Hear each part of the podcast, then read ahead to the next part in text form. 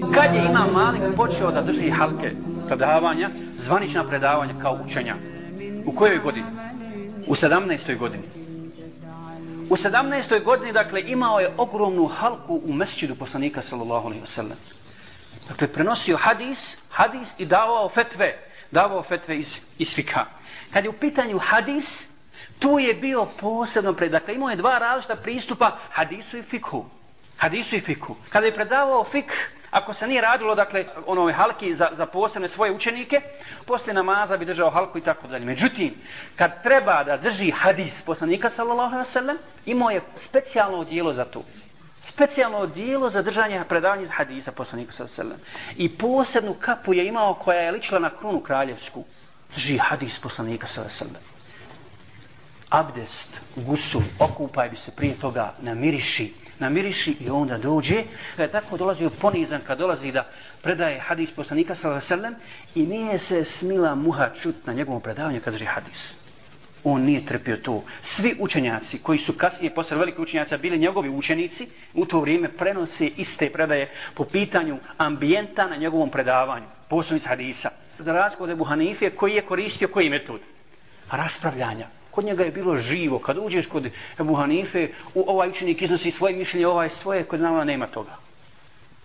Nema toga. On prenosi hadis i ne smije se čuti ništa. Jedan od njegovih učenika kaže, tako mi Allaha, ja se nikoga nisam bojao, nikog nisam osjećao veći strah, odnosno strahopoštovanje, kao od Abdurrahmana i Dahila, onoga poznatog vojskovođa, odnosno jednog od Emevija koji je kasnije osnovao Emevijsku državu Endelusu, kad se ona bila skoro raspala odnosno zvao Abdurrahman ibn Muavija. Međutim, kad sam upoznao imama Malika, strahopoštovanje prema Edahilu je bilo ništa u odnosu na strahopoštovanje prema imamu Maliku. Kad sam učio od, od njega hadis. Dakle, u 17. godini je počeo da drži predavanja i postao je poznat i popularan i onda su dolazili ljudi sa svih strana da uče kod imama, kod imama Malika. Od njega prenosi hadis i ilm općenito ogroman broj učenjaka. Sufjan ibn Ujejne, naćete da puno puta spominjamo Malika, Euzaji, Abdurrahman ibn Mehdi, on je bio šejh Ahmedu ibn Hanbelu, zatim Kutejbe ibn Sa'id, šejh Buharin, zatim Ebu Hanife, jego je bio od mama Malika, prenosi, prenosi predaj od mama Malika, zatim Abdullah ibn Mubarek, Omer ibn Ablaziz, Fudail ibn Iyad i mnogi drugi. Od njega, dakle, on je slušao od sto šejhova, kako stoji u njegovoj biografiji, međutim, od njega je prenosilo više od hiljadu šejhova, više od hiljadu, hiljadu učenjaka. I kako kažu islamski učenjaci da ima Malik nije ostavio nikoga iza sebe osim koga Šafiju, bilo bi dosta. Bilo bi dosta. Da je samo iza sebe ostavio kao učenika, odnosno kasnije kao poznatog učenjaka imama Šafiju, bilo bi, bilo bi zaista dosta. Kaže, imam Šafija za njega, nikome nije podučio Allahovoj vjeri kao imam Malik i prestigao je sve svoje šejhove u ilmu i onda su oni kasnije dolazili kod njega u njegove halke. Jedan od njih je Hamad ibn Seleme, kada je upitan za jednu meselu, jedno pitanje, rekao je ovom čovjeku koji ga je pitao, ako želiš spas svojoj vjeri, onda pitaj učenjaka Medine. Onda pitaj mama Malika, li ennehu huđe indena, jer je on dokaz kod nas. Kako dokaz? Kaže vam Šafija, ima Malik je dokaz kod mene, između mene i Allaha Đelešanu.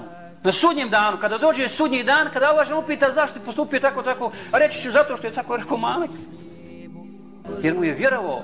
Ima Malik je tako postupao, tako nam prenio, tako nas naučio i tako dalje. To je dokaz u vjeri bio. Dakle, što se tiče prenošenja hadisa i dokaz, dokaz u fikhu.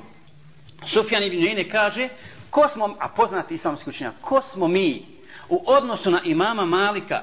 Mi smo uvijek pratili njegove predaje. Ako bi on uzmio od nekog šejha, i mi bismo uzmi. Ako bi on odbaci neki hadis, neku predaju od nekoga, i mi bismo to, i mi bismo to odbaci. Ahmed ibn Hanbel za njega kaže, neka se Allah smiluje Maliku ibn Anesu. Zaista se srce smiri sa predajom koju on prenosi. Srce se smiri sa predajom koju on prenosi. On je kod nas, također kaže Ahmed na dokaz. Alejs ibn Sa'ad, o kojem smo prije govorili, kaže, ilm imama Malika je čisti, siguran, kogod od njega, kogod od njega uzima. Abdullah ibn Mubarak za njega kaže Wallahi nisam vidio nikoga da toliko posveći pažnju hadis i da toliko veliča hadis poslanika sallallahu kao imam, kao imam Malik.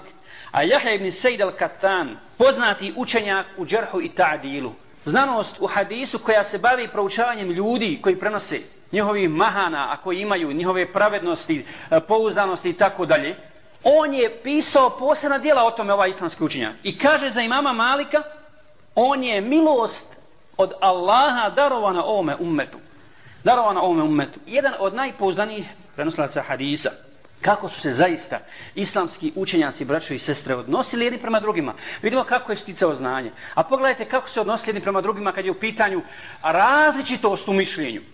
Rastu u tumačenju određenog propisa. Spominje se jedna predaja e, da mu je došao Hamad ibn Abi Hanife, sin Abu Hanife, radijallahu ta'ala anhu, došao kod imama Malika, kad je došao kod njega u kuću, vidio je halku i njegovi učenika, ne imao gdje sjest.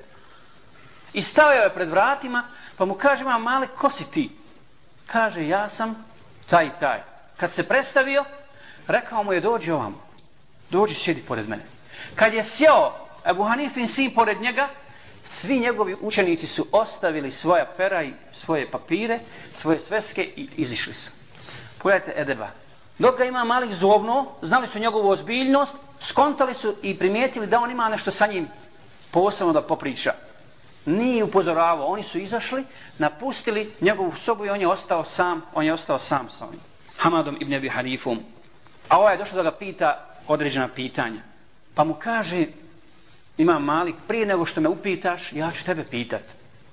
Ja ću tebe pitat. Šta je rekao tvoj otac o toj i toj meseli? Pa Muhammad ibn Ebu Hanife kaže, rekao je tako i tako i navodi dokaze. Ima Malik kaže, odakle je uzeo to? Kako je, kako je došao do tog zaključka? Kad mu on prenese, ovaj se čudio. Čudio se inteligenciji, njegovoj pameti, razboritosti i tako dalje. I tako se upoznao, tako se upoznao sa hanefijskim mišljenjima Malik. Iako nije, a pored toga živi u Medini, većina islamskih učenjaka je išla na hađ i svraćala u Medinu.